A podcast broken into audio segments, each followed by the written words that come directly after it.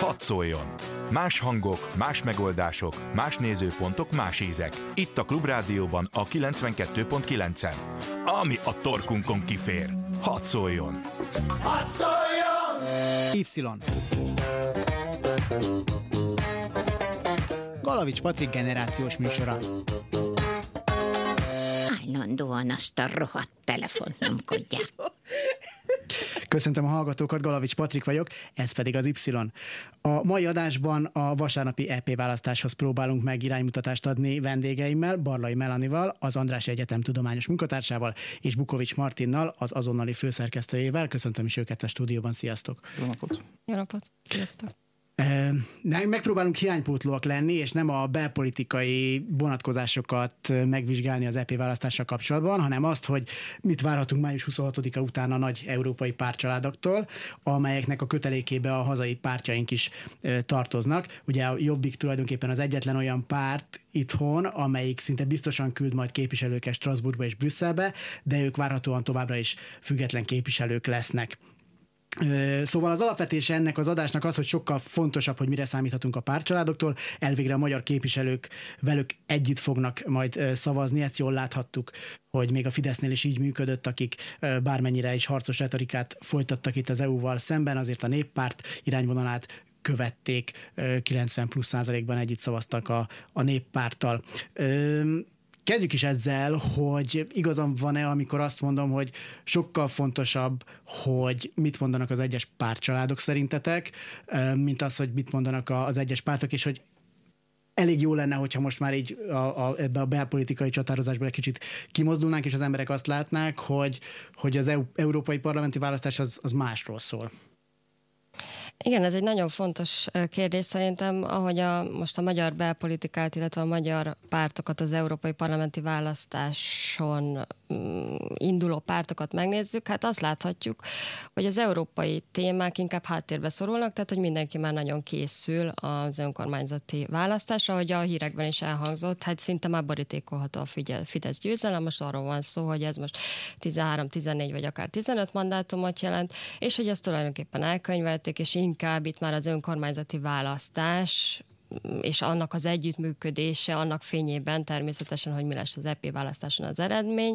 Ez van Magyarországon legalábbis fókuszban, és hát ez érdekes, hogy itt ez az Y generációról szóló műsor, és a fő kérdés, hogy hát a fiataloknak a részvétele, ugye nyilván én ennek a képviseletében is látom talán itt magam, hogy ez hogy hat a fiatalokra, tehát hogy hogy tudják, erről majd később lesz szó, úgyhogy át is adom majd a szót természetesen Martinak, de hogy, hogy a fiatalokat ez hogy, hogy érintheti. Hát azért én egy kicsit vitáznék azzal, hogy az önkormányzati választásra való rákészülés, leginkább az ellenzéknél van egy ilyen, egy ilyen hangulata az EP választásnak, de ugye nemrég pont nálunk az azonnali pont úgy jelent meg egy závetes felmérés arról, hogy mi a két legfőbb témája a választók szerint, és nyilván a migráció az egy ilyen 50-60 százalék környéki, és a klímaváltozás, ami a választók 30 százalékát érdekli, vagy tartja fontosnak.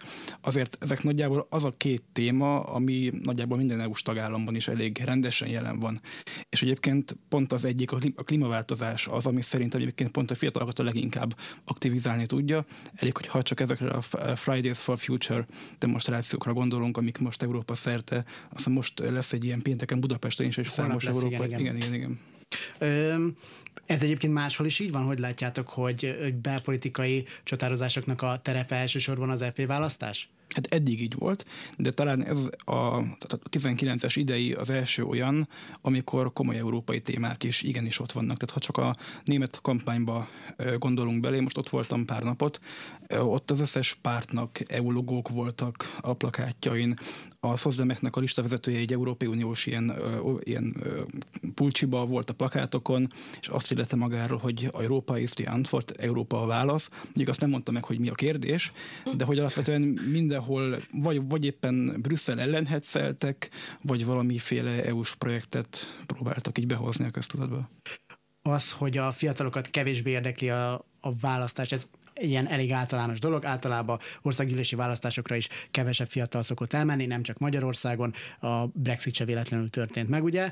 Ö, Viszont, hogyha megnézzük a 2014-es legutóbbi EP választást, akkor azt látjuk, hogy az EU átlag az ilyen 42,54 százalék volt egész pontosan, ennyien mentek el átlagosan az EU-ban, úgyhogy vannak országok, ahol kötelező elmenni szavazni, tehát ez, ez tényleg egy ilyen elég gyászos adat. Magyarországon ez úgy nézett ki, hogy a 18-24 éveseknek az ötöde ment el, és a 18-39 éveseknek is az ötöde ment el szavazni, de egyébként van nálunk sokkal rosszabb, Szlovákiában a 18-24 évesek 6%-kal ment el, ami, tehát hogy tényleg így nagyítóval kellett keresni azokat az embereket, akik, akik oda mentek. Azt mondjátok, hogy ez pont az ilyen klímaváltozás és, a, és migráció téma miatt akár meg is fordulhat, és a fiatalok körében is többen fognak elmenni szavazni? Egyébként ez könnyen elképzelhető, én is ez nagyon fontos kiemelni, hogy hogy fognak megváltozni esetleg a részvételi adatok, és ahogy Martin is mondta, hogy Németországban is például a klímapolitikát föl hozzák egy európai szintre, azt mondják, hogy ez Európával is klímavál, tehát hogy az európai választás az egy a klímaváltozás melletti döntés vagy elleni döntést is jelent, és hogy ahogy látjuk az európai közvéleménykutatási adatokban, a fiatalok körében az első téma nem a migráció, hanem a klímaváltozás. Tehát valóban ez, ez, ez fontos kérdés lehet, hogy ez hogy alakul a részvételi adat a fiatalok körében, tehát a klímaváltozás lehet egy olyan téma, ami arra ösztönzi a fiatalokat, hogy most az európai parlamenti választásokon részt vegyenek, részt vegyenek az európai parlamenti választásokon. Egyébként az összeurópai adat a 16 és 24 évesek körében a részvételi 2014-ben 28 százalék volt az európai szinten. Mondjuk Szlovákia az egy különös eset, mert 2014-ben 13 százalék volt, azt hiszem az összes szlovák részvételi adat, tehát ott rendkívül, hát hogy is mondjam, lusták elmenni az EP választásokra. És amúgy, ami még egy izgalmas ország, ha 14-et nézzük, az egyébként Lengyelország, ahol egyébként szintén nagyon alacsony volt ugye a részvétel, és kijött most egy nagyon friss felmérés, ami megnézte, hogy a lengyel fiatalok kire szavaznának, ki a legnépszerűbb lengyel erő, és ott még mindig a János Korvin Mikke a legnépszerűbb, ugye ő egy ilyen... Hát neki nagyon emlékezetes megszólalása volt, igen. Igen, a, igen, igen. A, a nők kevésbé intelligensek, és aki nem azt mondja, az, az, a, az a tudományt tagadja tulajdonképpen. Igen, tehát, a... tehát ő a lengyel hipsterek körébe nagyjából így az első, az, hogy ugye ő egy monarchista, de emellett libertáriánus, és van neki egy ilyen, nagyjából két évenként csinál egy más és más pártot, amivel így egyszerűen bevonza a fiatalokat, és mert nagyon alacsony részvétel a körükben, ezért simán be tudják őt vinni az EP-be. Soha máshol nem sikerül neki bejutni, de az EP mindig be tud. Szerinted egyébként ez most is így lesz lengyeleknél? Szerintem nem, mert most ugye az ellenzéki összefogás az elég rendesen így fel fogja nyomni a választási kedvet. Egyébként, ha kiegészíthetem ezt a lengyel példát, ez nagyon jól mutatja, hogy a fiatalokat hogy lehet megszólalni, és az szerintem pontosan ez, hogy ez az érzelmi politizálás, hogy nem csak a tényeket és ezt az unalmas programpontokat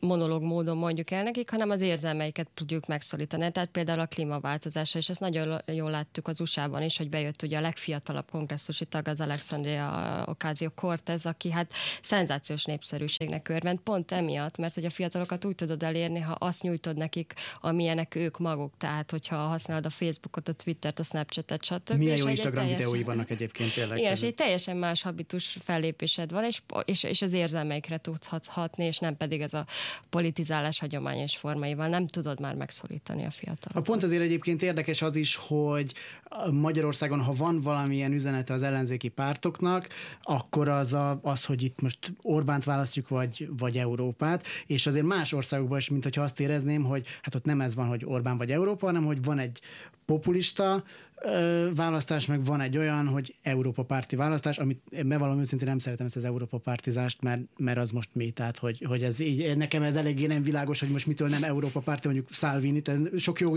nem gondolok a, a fickóról, de hogy miért nem Európa párti, azt nem tudom. Tehát, hogy ez is ebbe a, az ilyen érzelmi politizálásra azért alkalmas lehet. Most nyilván a fiataloknál inkább a klímaváltozása, ami mozgatóerő, de akkor ezek szerint Magyarországon inkább ez a populista Orbán vonala az érdekes a, az ellenzéki pártoknál, hogy egyébként ezt is meg lehetne jól lovagolni? Meg lehetett volna, de ez se sikerült nekik. Tehát ugye voltak hangok még a leges legelején, hogy egy ilyen Európa vagy Orbán dolog legyen, de ebből végül ugye az MSZP-nél a közös lista lett ugye a szlogen, a DK-nál meg talán most az európai minimálbér, vagy valami ilyesmi. Az Európai Egyesült Államok. Egyesült Államok. Tehát még véletlenül sem egy ilyen Orbán vagy Európa, hát ennek még értelme is lett volna, mert ugye a Fidesznek a, a, hát a mozgás, tehát ugye a lehetőségeit azért jelentősen behatárolja, hogy most 12, vagy nem tudom, 16 mandátuma van. És egyébként még a lengyeleknél van egy ilyen Európa vagy Kaczynski típusú kérdés a plakátokon. Igen, azt hiszem az MSZPP-nek ugye volt a, a, a néppárt tagságának a felfüggesztése után volt egy ilyen kezdeményezés, hogy népszavazási kezdeményezés, hogy akkor szavazunk-e arról, hogy lépjünk-e ki az Európai Unióból, vagy nem. Tehát, hogy ez aztán nem, nem folytatódott tovább, de ez pontosan lehetett volna egy, az, hogy behozták volna ezt a vonalat, ami aztán tényleg többé-kevésbé befagyott teljesen. Tehát. Ugye azt mondtam itt az adás elején, hogy a különböző pártcsaládok annak a programjait fogjuk itt körüljárni, és azon belül is azt, hogy mit kínálnak a fiataloknak, és amikor felhívtalak titeket, amikor felhívtam Martint, hogy erről fogunk beszélgetni, akkor Martinnak egyből az volt a válasz, hogy hát igazából semmit. És való igaz, hogy amikor itt pörgettem az egyes pártcsaládoknak a honlapjait, akkor kifejezetten fiataloknak szóló üzenetet nem nagyon találtam. Kicsit önkényesen tudtam válogatni olyan üzeneteket, meg olyan mondani valókat, amik talán inkább a fiatalokat szólítják meg.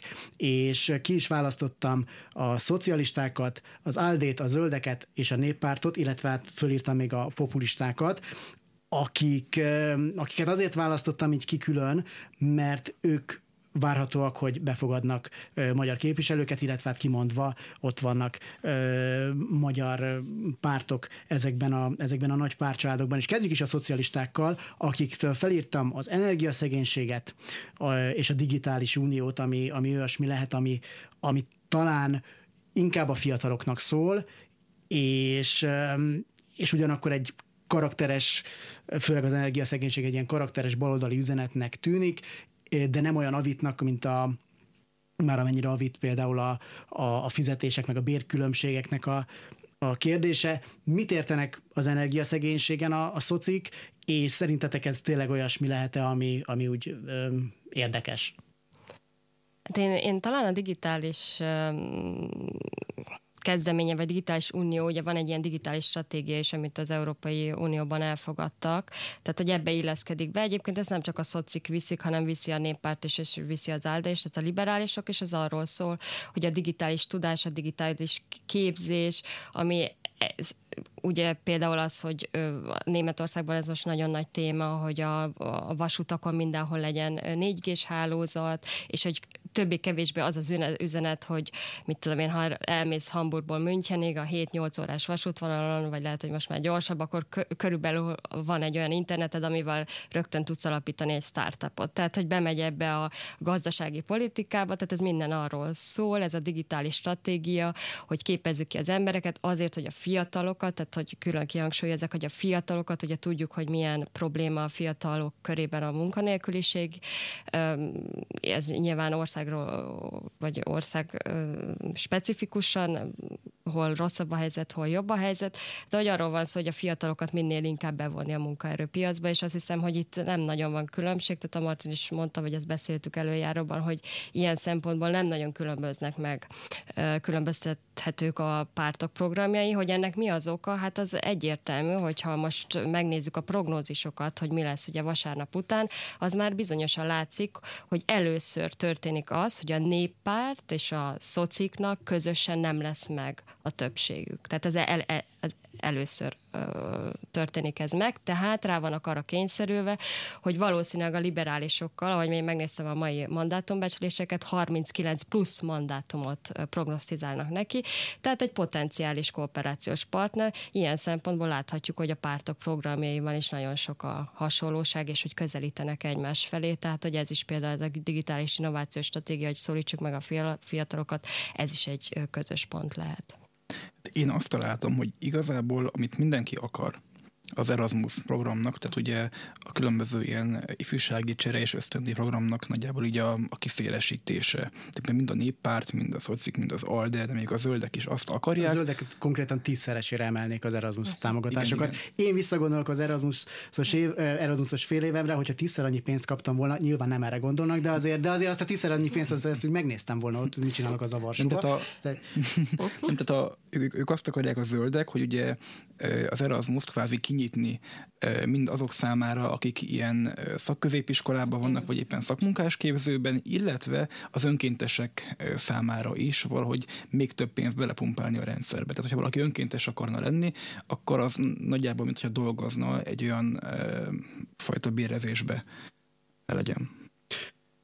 Igen, és a, hát ez ugye az oktatásra vonatkozik, és az, hogy ennyire nincsenek karakteresen szétválasztható programok, ezek annak köszönhetők, hogy megjelentek a populisták, vagy annak, hogy, hogy azért így kimondom, hogy, hogy, hogy igaza van a Fidesznek, és itt mindenki balra tolódik, és van, van, egy, van egy karakteres jobboldali tömb, akik a Salvini féle vonalat viszik, meg az Orbán féle vonalat viszik, a többiek meg igazából ugyanazt gondolják. Hát nyilván szerintem itt nagyon sok szól a stratégiáról, tehát hogy mi ezt ne becsüljük annyira túl ezeket az európai klubokat és a pártokat, tehát ez arról szól, hogy, hogy az Európai Parlamentben hogy tudnak majd olyan koalíciókat alap, alapítani, hogy meglegyen a, akár a minőségi többségük, tehát ez szerintem nagyon, nagyon sok szól itt stratégiáról, és hogy tudjuk, hát itt azt hiszem láthattuk nagyon nyilvánvalóan a, a Fidesznek a néppártban való felfüggesztése után, hogy hát az Európai Unió az hát inkább értek orientált, mint hogy értékorientált lenne, és azt hiszem, hogy ez nagyon jól megmutatkozik most a választási kampányban is, különös tekintettel gondolok itt vissza például a Webernek a magyarországi megjelenésére és kampányára, hogy ez valójában miről is szólt, és szerintem ez körülbelül ebbe is illeszkedik bele. Igen, itt a néppárta kapcsolatban az jutott eszembe, hogy ugye a, a jobbik, az talán pont nálatok az azonnali Schneider Tamás mondta azt, hogy ők igazából a néppárthoz szívesen mennének, vagy szívesen csatlakoznának a néppárthoz, és a néppárt pedig erre azt válaszolta, hogy hát köszönjük szépen, de, de nem. És itt a taktikázással kapcsolatban azért az jutott eszembe, hogyha a a jobbiknak, jobbiknak mondjuk lenne tíz mandátum, akkor már lehet, hogy nem zavarná őket annyira a, a, a náci, meg a, meg, a, meg a nem tudom milyen cigányozós múlt igazából, de csak ezt a, a, arra mondom, hogy Melanie, amit mondott, hogy azért itt, itt komoly taktikázások mennek, és azért ez egy kicsit megöli a bulit ilyen szempontból. Igazán, hogyha valaki megnézi a Jobbiknak a programját, akkor simán el lehet képzelni, hogy mondjuk a balos frakcióba is beül a Jobbik, ugye a Bérunió oda simán beférne.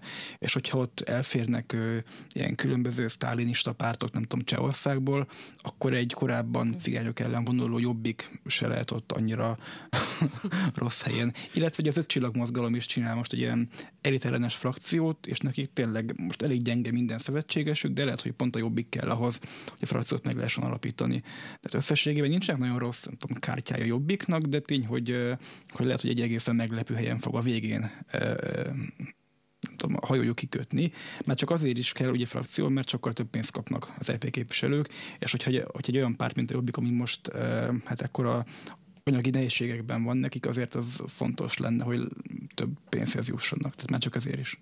Az Aldének a manifestumában olvastam azt, hogy a liberálisoknak célja, hogy az egyes tagállamokban, illetve az európai identitást, azt az európai identitás az gazdagítsa a nemzeti identitást, és hogyha én a, az ismerőseimre gondolok, akik velem együtt például már akár külföldön is jártak középiskolába, voltak Erasmuson, vannak külföldi barátai, akkor nekik ez egy olyan üzenet, ami, ami nagyon szimpatikus, meg amivel tudnak azonosulni. Várható az szerintetek, hogy megjelenik 2019-ben egy ilyen erőteljesebb, ilyen úgymond Erasmus generáció, amelyik már egészen másképp fogja föl Európát önmagában, nem csak a választást. És hogy ennek lesz egy valamilyen komolyabb befolyásoló tényezője, akiket érdemes lett volna megszólítani, bár szerintem nem annyira tették.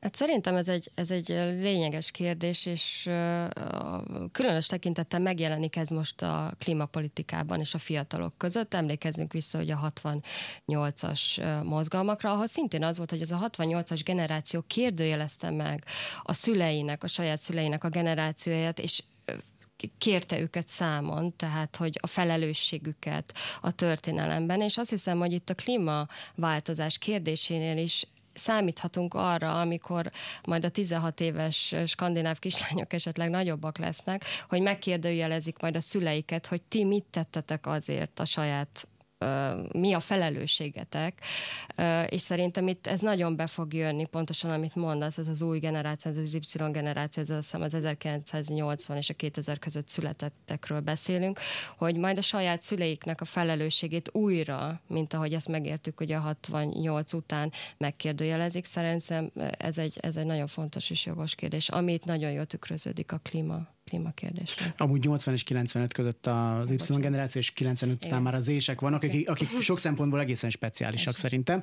meg, meg egészen másképp látják. Az ő megjelenésük is egy egészen érdekes dolog. Te hogy látod ezt, Martin, egyébként? Szerintem megjelent már ez a generáció politikában. Ugye a Momentum mozgalom kifejezetten azzal kampányol, hogy ők azok, akik hazajöttek külföldről, akik már úgymond voltak nyugaton, um, most a megjelenésük szerintem bizonyára fog aktivizálni egy csomó fiatalt itthon. Csak hogy érdemes rájuk érdemes lenne-e rájuk építeni egy, moment... Mm. egy, egy, akár egy üzenetet, nem egy teljes kampányt, mert nyilván sokkal sokszínűbb a társadalom, de hogy a magyar pártokon nem láttam, hogy ők hát ezt, ezt megcsinálta a Momentum már az áprilisi választási kampányban, és ugye parlamenti választáson is, amikor magát Momentum generációnak hirdette, akkor nem nagyon jött be, de talán most beérik majd az üzenet, nem tudom, kiderül.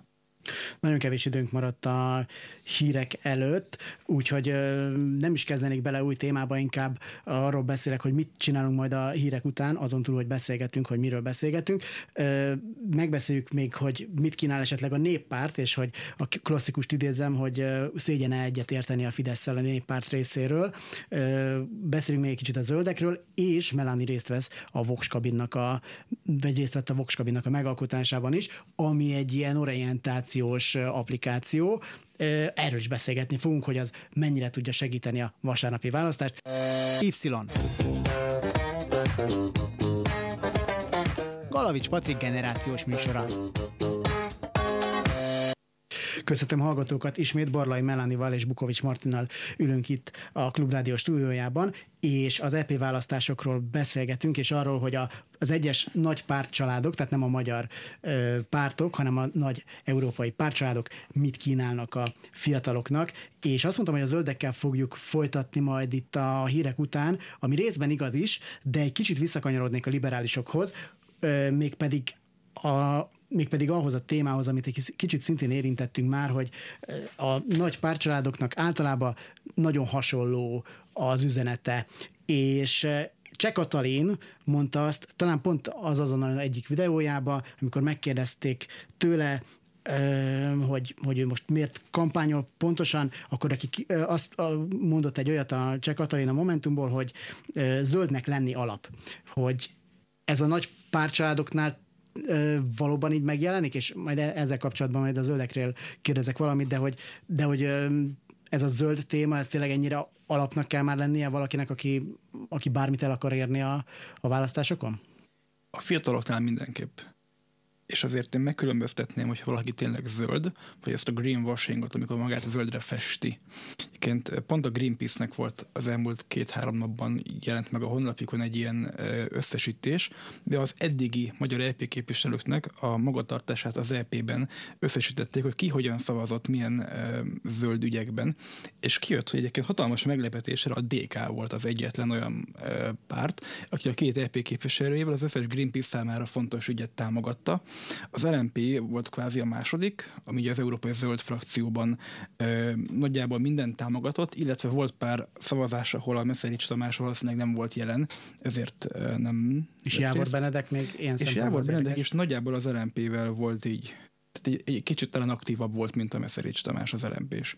De például a Fidesz, vagy akár a Jobbik, vagy a KDNP inkább ö, a zöld ügyek ellen szavaztak, mint, mint sem.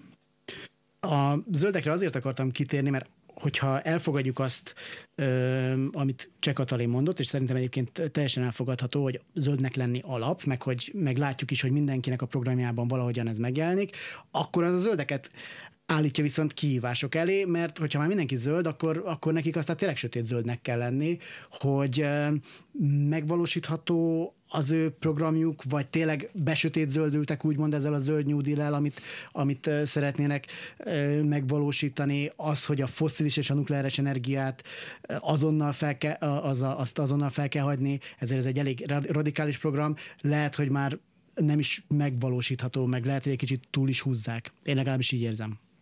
Hát szerintem a, a zöldek, például Németországban mm, voltam, vagy az utóbbi időben egy kicsit jobban kapcsolatban zöld pártokkal, illetve induló jelöltekkel, és ők legalábbis Németországban úgy van, hogy úgy definiálják magukat, hogy ilyen hosszú lélegzetvételű politikát folytatnak, hogy hát ezt tudjuk, hogy a, ha történt a zöld pártokat, például Németországban a zöld pártnak a történetét megnézzük, akkor ez szinte ez természetes, hogy ők nagyon hosszú távra terveznek. És hát azt hiszem, hogy a zöld isjuk, a zöld ügyek azok az, talán a leginkább azok az ügyek, amik a nemzethatárokon nem állnak meg. Tehát, hogy nincs olyan nemzeti szélenergia és napenergia és stb. És ennek a hatásai, és hogy a szélerőműveknek a hatása és a vízerőműveknek. Tehát ez egy olyan tipikus ügy, ami, ami tényleg összeurópai vagy globális összefogásra ösztönöz, ami hát tudjuk, hogy ez, nem egyik napról a másikra történik. Szerintem visszatérve talán még a Cseh Katalinra és a Momentumra, nagyon fontos kihangsúlyozni, hogy ez inkább egy stratégia. Hogyha megnézzük a Momentum és például az LMP-nek a szavazóbázisát, akkor lát látjuk, hogy fejfej mellett haladva hozzák el a fiatal szavazókat, tehát természetesen itt van egy verseny, és szerintem ez nem szól többről a Momentum szempontjából, mint egyszerű stratégiáról, hogy meg tudja, próbálja megszólítani a fiatalokat. Illetve hogyha valaki belolvas a Jobbiknak a programjába, ott a Jobbik elmondja magáról, hogy ő legalább annyira zöld párt, mint, a, mint az LMP. Sőt, hogyha emlékszem, mondjuk 2000 tízre, akkor a Szanyi Tibor kampányolt azzal Újlipót városba, hogy ő is van annyira zöld, mint az LMP. Tehát, hogyha valakinek kellenek LMP-s voksok, akkor hirtelen ő is nagyon zöld lesz mindig. Egyébként a zöld pártok nem csak Németországban vannak most nagyon-nagyon fejlendülésben, hanem még egy csomó más helyen, tehát például a Belgiumban, Luxemburgban ott jelentős plusz voksok lesznek, és elképzelhető, hogy Lengyelországban először egy zöld EP képviselőjük is lesz, mert ebben a lengyel ellenzéki összefogásban valahogy megjelent a, a nem alacsony támogatottságú, kb. nem tudom, pár emberből álló zöld párt, de most lehet, hogy ők is be fognak kerülni. Hát magyarán zöldnek lenni tényleg alap lett, úgy néz ki, hogy így Európa szerte, legalábbis valamennyire és meg is éri. És, és, és főleg meg is éri szavazatokba is kifizetődik, de hát a politikusok azt csinálják, amit a szavazóik ö, akarnak tőlük.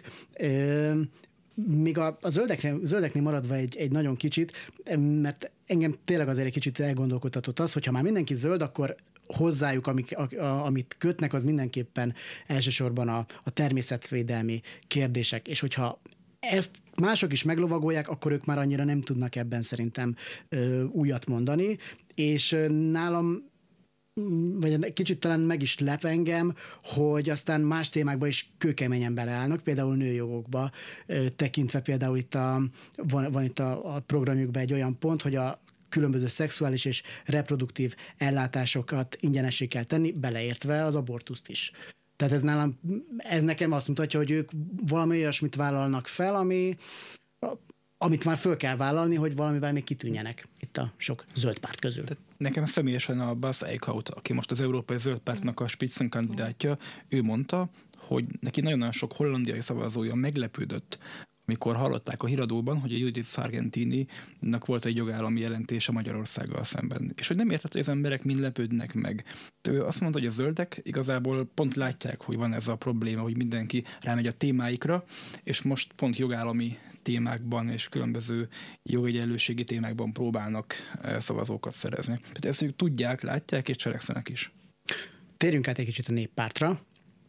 Ö, akik ugye Manfred Webert spitzenkandidátnak fogják uh, majd nevezni. Elég valószínű, hogy a néppárt hiába gyengül meg, de azért még mindig a néppárt lesz a, a legnagyobb párt az LP-ben, és Manfred Weber jó eséllyel bizottsági elnök lehet. Most vannak, vannak-e körül persze viták, de, de most uh, itt a Klubrádió stúdiójában maradjunk annyiban, hogy Manfred Weber legnagyobb eséllyel bizottsági elnök lehet, és, és rá is húzzák föl a kampányukat. Szerintetek az egy, ez egy jó stratégia-e, tekintve, hogy Manfred Weber azért szerintem nem egy karizmatikus fickó, akivel, akivel úgy nagyon lehet, el lehet adni a dolgokat, de ez lehet, hogy csak az én ízlésem. Nem tudom, hogy ez a Manfred Weber, hogy annyira biztos hogy ő lesz. Ugye itt nagyon megkérdőjeleződik ennek a Spicen kandidátnak az intézményrendszere, és azt hiszem ezt a legjobban az Alde lovagolta meg, hogy ők azt mondták, hogy azt hiszem heten indulnak egyszer ezért a pozícióban, és ugye a Lisszaboni szerződés, mint ahogy ismerjük, hát azt nem írja elő, hogy itt ugye így kell a, a bizottsági elnököt megválasztani, hanem hogy figyelembe lehet venni, vagy érdemes figyelembe venni természetesen az európai választás választások eredményeit, de hogy ez egy nem kötelező érvényű, tehát szerintem, ha nem is most, de hogy elindul biztosan ennek a kandidát intézményrendszernek a megkérdőjelezése, és hogy Manfred Weber, ahogy mondtad, hát nem egy karizmatikus jelenség, tehát hogy nem tudjuk szerintem ezt a, az ilyen spekulációkat valóban az európai választások után és az eredmények után tudjuk majd meg. Az biztos, hogy amire készülhetünk a 26-a után, hogy egy nagyon hosszú um, koalíciós tárgyalások lesznek. Ugye július 1-én kell majd felvenni az európai parlamenti képviselőknek a munkát, és addig hát itt szerintem nagyon érdekes időszak elé nézünk a tekintetben, hogy hogy formálódnak majd a, a klubok az, az európai parlamentben és egyébként valahol igaza is van az Áldénak. Ugye Emmanuel Macron francia elnök mondta, hogy mi értelme van a Spitzenkandidáti rendszernek, hogyha Manfred Weberre csak Németországban lehet szavazni. Hát, hogyha mondjuk valaki Magyarországon szeretné Manfred Webert a bizottság elnökének, akkor kire szavazzon? Tehát a Fidesz nem biztos, hogy a néppártban fogja magát majd találni a következő Európai Parlamentben. És ő például azt mondja, Macron, hogy legyenek kvázi egész Európában közvetlenül lehessen választani bizottság elnökét. Ennek egyébként szerintem több értelme lenne, mint annak, hogy most akkor így, nem tudom, Franz Timmermans a hollandok, vagy valakit leszavaznak, és akkor a letteket is kvázi ő képviseli. Tehát ugye ez az egész nekem nagyon-nagyon furcsa, és ugye azon alapul, hogy az Európai Parlament kvázi bezsarolta a tanácsot mondván, hogy csak olyan embert fogunk megszavazni az Európai Parlamentben, aki indult az Európai Parlamenti választáson. Igen, ez azzal függ egyébként össze itt Macronnak a bizottsági elnökös közvetlen választásos ötlete, ami tulajdonképpen a, a, az adásnak is az alapja, hogy fontosabb talán azt nézni, hogy az egyes pártcsaládok mit csinálnak európai szintéren, és nem azt, hogy a belpolitikai eh, sűjesztőben, meg itt a belpolitikai sokszor mocsárba, itt eh, hogyan próbálnak egymástól szavazatokat el, el eh, csáb, szavazókat elcsábítani az egyes pártok. Néppártnak a programja, meg Manfred Webernek a, a programja viszont azt látjuk, hogy akár, meg, akár, akár mennyire is vannak itt problémák a fidesz felfüggesztés ide vagy oda, azért csomó olyan pont van, ami hogyha egy ilyen kék kis füzetecskébe, hogyha kiküldeni a Fidesz, akkor az azt látnám, hogy az nem is biztos, hogy a néppárt programja, hanem a Fideszé, ami persze így elsőre logikus tűnik, mert végre egy párcsádban vannak, de hogy, de hogy egyébként úgy néz ki, hogy ideológiailag, meg, meg fontossági sorrendben nincsen feltétlenül akkor a különbség a néppárt és a Fidesz között, tehát ugyanígy van egy ilyen erős család támogatási témája a néppártnak, 5 millió új munkahely, hát az mondjuk európai szinten ugye az 5 millió munkahely az nem is olyan sok az 1 millióhoz képest, amit Orbán Viktor ígért meg, tehát Manfred Weber így al- alul ígért gyakorlatilag, de hogy, de hogy az meg, sőt, van egy Európai Beruházási Bank által öm, megfinanszírozható lakás, lakásépítési hitel, ami, ami még a néppártnak a, az ötletei között szerepel, tehát az úgy tűnik, hogy azért ez egy vállalható a Fidesz szempontjából, hogyha a Fidesz szempontjából nézném, akkor ez egy vállalható öm, program, ami, ami Manfred Weberé tulajdonképpen. Hát ugye vállalták is korábban.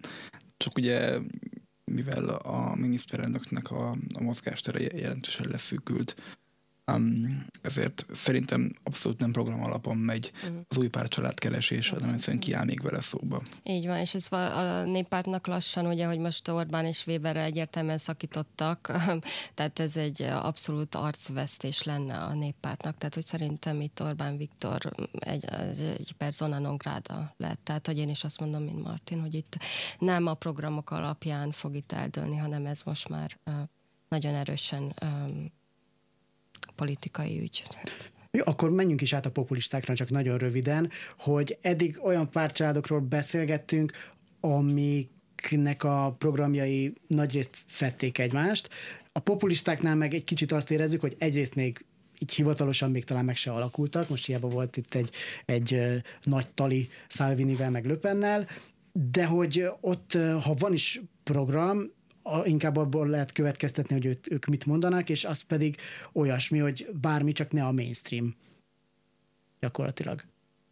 Igen, hát most például ugye itt előjáróban az volt a kérdés, hogy a populisták és a fiatalok, tehát hogy mi a program pont, hát nagyon egyszerűen el lehet mondani, semmi. Tehát, hogy nem jelennek meg a fiatalok, mint kifejezés, tehát különösen ugye tudjuk, hogy a klímapolitika most tényleg viszi ezt a, a, a, a fiatalok témaként ezt a, a az ügyet, és hát mi tudjuk, hogy a populisták, a jobboldali populisták nagyon erősen klímaváltozás ellenesek, tehát hogy ez így beleillik ebbe. Mármint, hogy egy az egyben letagadják. Hogy így van, az AFD az nem konkrétan letagadt. Hát az AFD az konkrétan, igen. Tehát, hogy a fiatalokkal gyakorlatilag ők nem foglalkoznak, és hát érdekes lesz itt is csak azt lehet mondani, hogy ez az akkor tudjuk meg, hogyha meg lesznek az eredmények, tehát hogy hogy formálódhatnak esetleg a jobb oldalon, szélső jobb oldalon új um, csoportosulás. Úgy ugye még az szintén kérdés, hogy akkor hány ilyen szélsőjobbos frakció fog alakulni, mert ugye vannak plegykák, mi szerint lesz egy ilyen vállalhatóbb, egy ilyen Salvini Fidesz lengyelek,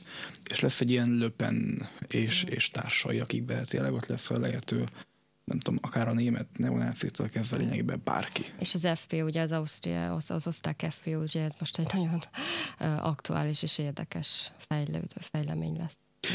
Igen, csak hogy az az érdekes, hogy a populisták, ha már az érzelmi alapú politizálásnál tartottunk, nem próbálják megszólítani a fiatalokat, hogyha már nem is a klímaváltozással, akkor, akkor mondjuk a, a nemzeti érzelmeknek a felkorbácsolásával, vagy ezzel megpróbálják, csak ez nem, nem fiatal specifikus, hogy mond. Hát igen, meg ugye nekem az is fura, például hol vannak a baloldali populisták hogy így igazából jó Magyarországon nincsenek, de például ugye ott van a Cipras eh, Görögországban, aki most már inkább egy ilyen szozdem irányt vett át, vagy ott vannak mondjuk a D-Linke Németországban, vagy akár a KPÖ Ausztriában, amikor kitörhetne, ők sem nagyon csinálnak is semmit. Ja, pedig Karácsony Gergely pont tavaly mondta azt a választások után, hogy legyünk populisták, hát egy, egyelőre nem jött össze ö, gyakorlatilag. Mondjuk nem biztos, hogy hiányzik nekünk egy baloldali populista még a, a jobboldaliak mellé, ezt így halkan jegyzem meg, de jó, ö, hát megpróbáltuk akkor itt beorient, beorientálni a, a fiatal választókat az egyes párcsaládokkal kapcsolatban,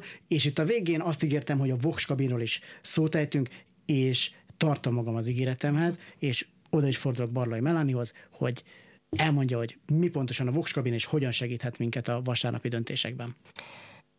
Köszönöm szépen a lehetőséget. A Voxabin egy választói orientációs segítség, ami segíti a felhasználót eligazodni a saját álláspontja és a pártok programjai között.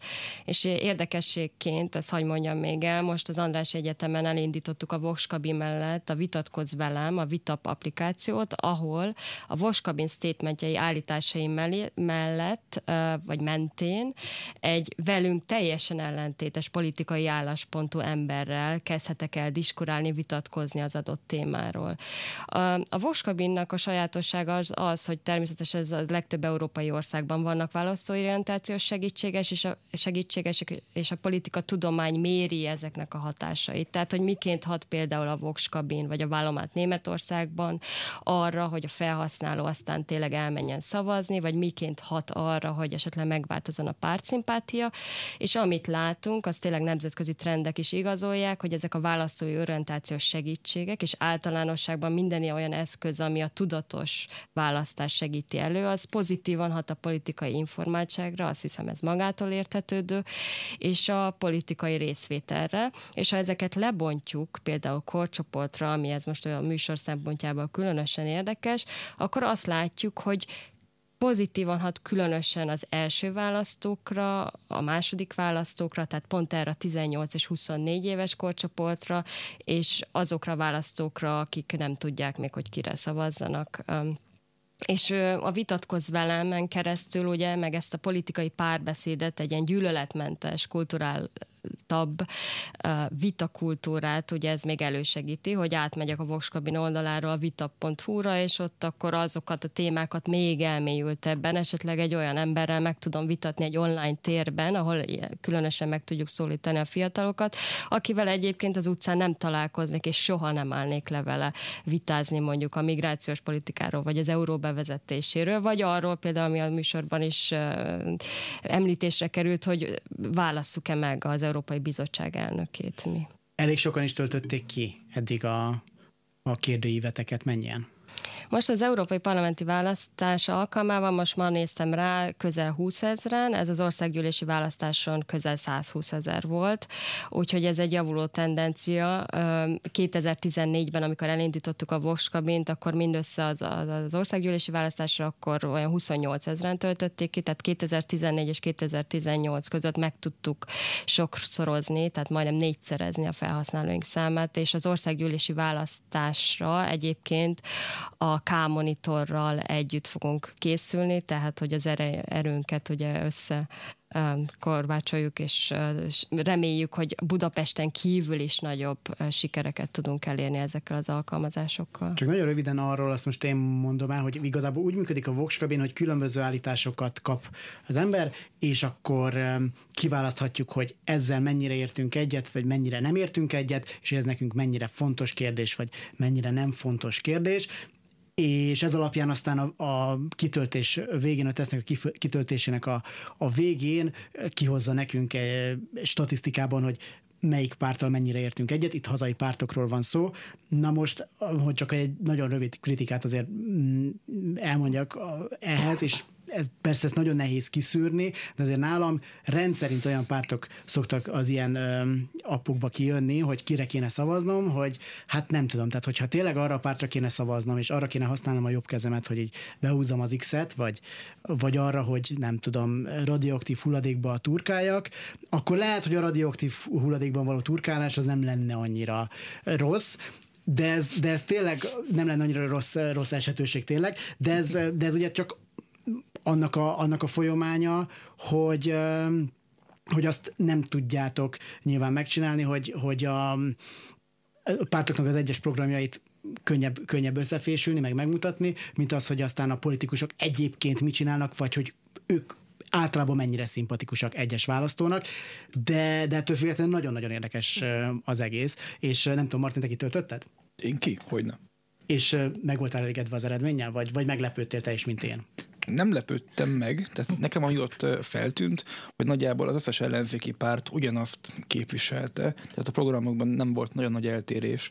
Tehát, hogyha leginkább valaki a Vox Kabinnak úgymond a félközönségén téren, azok pont ők, látják, hogy igazából mennyire nem mondanak más, mint a többi konkurensük. Igen, ezért is jó a súlyozás, amit most az európai parlamenti választásoknál kivettünk, legalábbis az algoritmusban nem szerepel, de az önkormányzatinál megint betesszük, akkor egy sokkal árnyaltabb képet fogunk kapni, és ezt a blokkosodást úgymond feloldjuk. Egyébként egy utolsó mondat, hát pont az a lényeg, hogy ne az jöjjön ki, hanem hogy tükröt tartson elénk, hogy tulajdonképpen hol is vagyok én a, ebben a koordinátorrendszerben, tehát hogy miért nem ott, amit én gondolok, és hogy utána nézzek, hogy hoppá, akkor annál a pártnál valójában mi is áll, és én magam mit képvisel. A Voxkabint legegyszerűbben talán a Facebookon érjük el. Igen, hogyha... illetve a honlapunkon a voxkabin.hu alatt. Én csak ajánlani tudom, nagyon érdekes, e, egész gyorsan meg lehet csinálni, egy 10 perc a kitöltés, és, és aztán lehet csodálkozni, hogy ki mennyire ért egyet azzal a pártal, akire majd szavazni akar vasárnap. Én nagyon szépen köszönöm, hogy itt voltatok.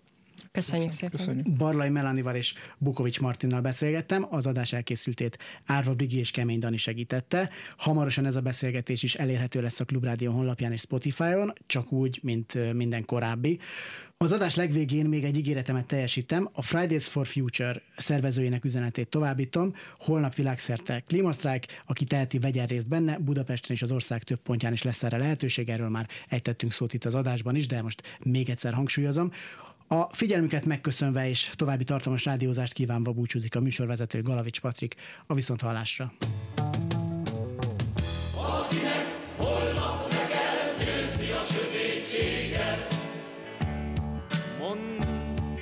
de kit választanál? Akinek holnap át kell írni a régi meséket. Ó, mondd, kit választanál?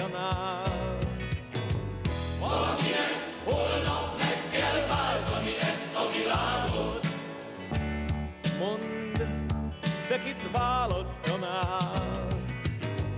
Valakinek holnap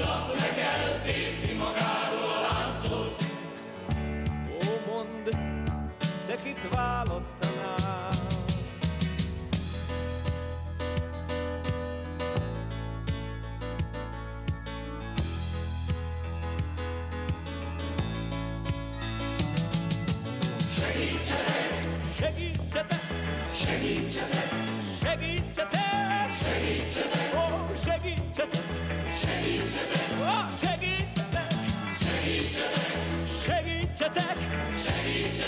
Segítsetek! Segítsetek! Ó, segítsetek! Segítsetek! Segítsetek! Ó, mondd, te kit választanál? Valakinek holnap le kell mondani hivataláról. Mondd, te kit választanál?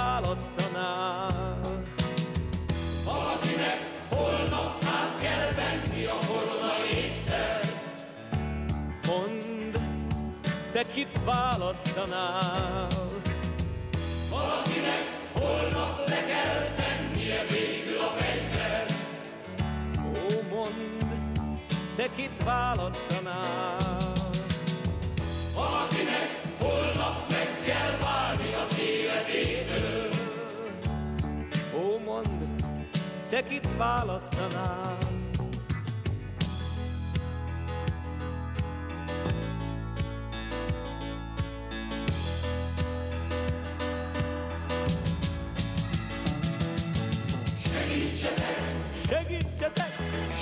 Segítsetek! Segítsetek! Segítsetek! Segítsetek! Segítsetek! Ó, segítsetek! Segítsetek! Segítsetek! Segítsetek! Segítsetek! Ó, segítsetek! Y. Galavics Patrik generációs műsora.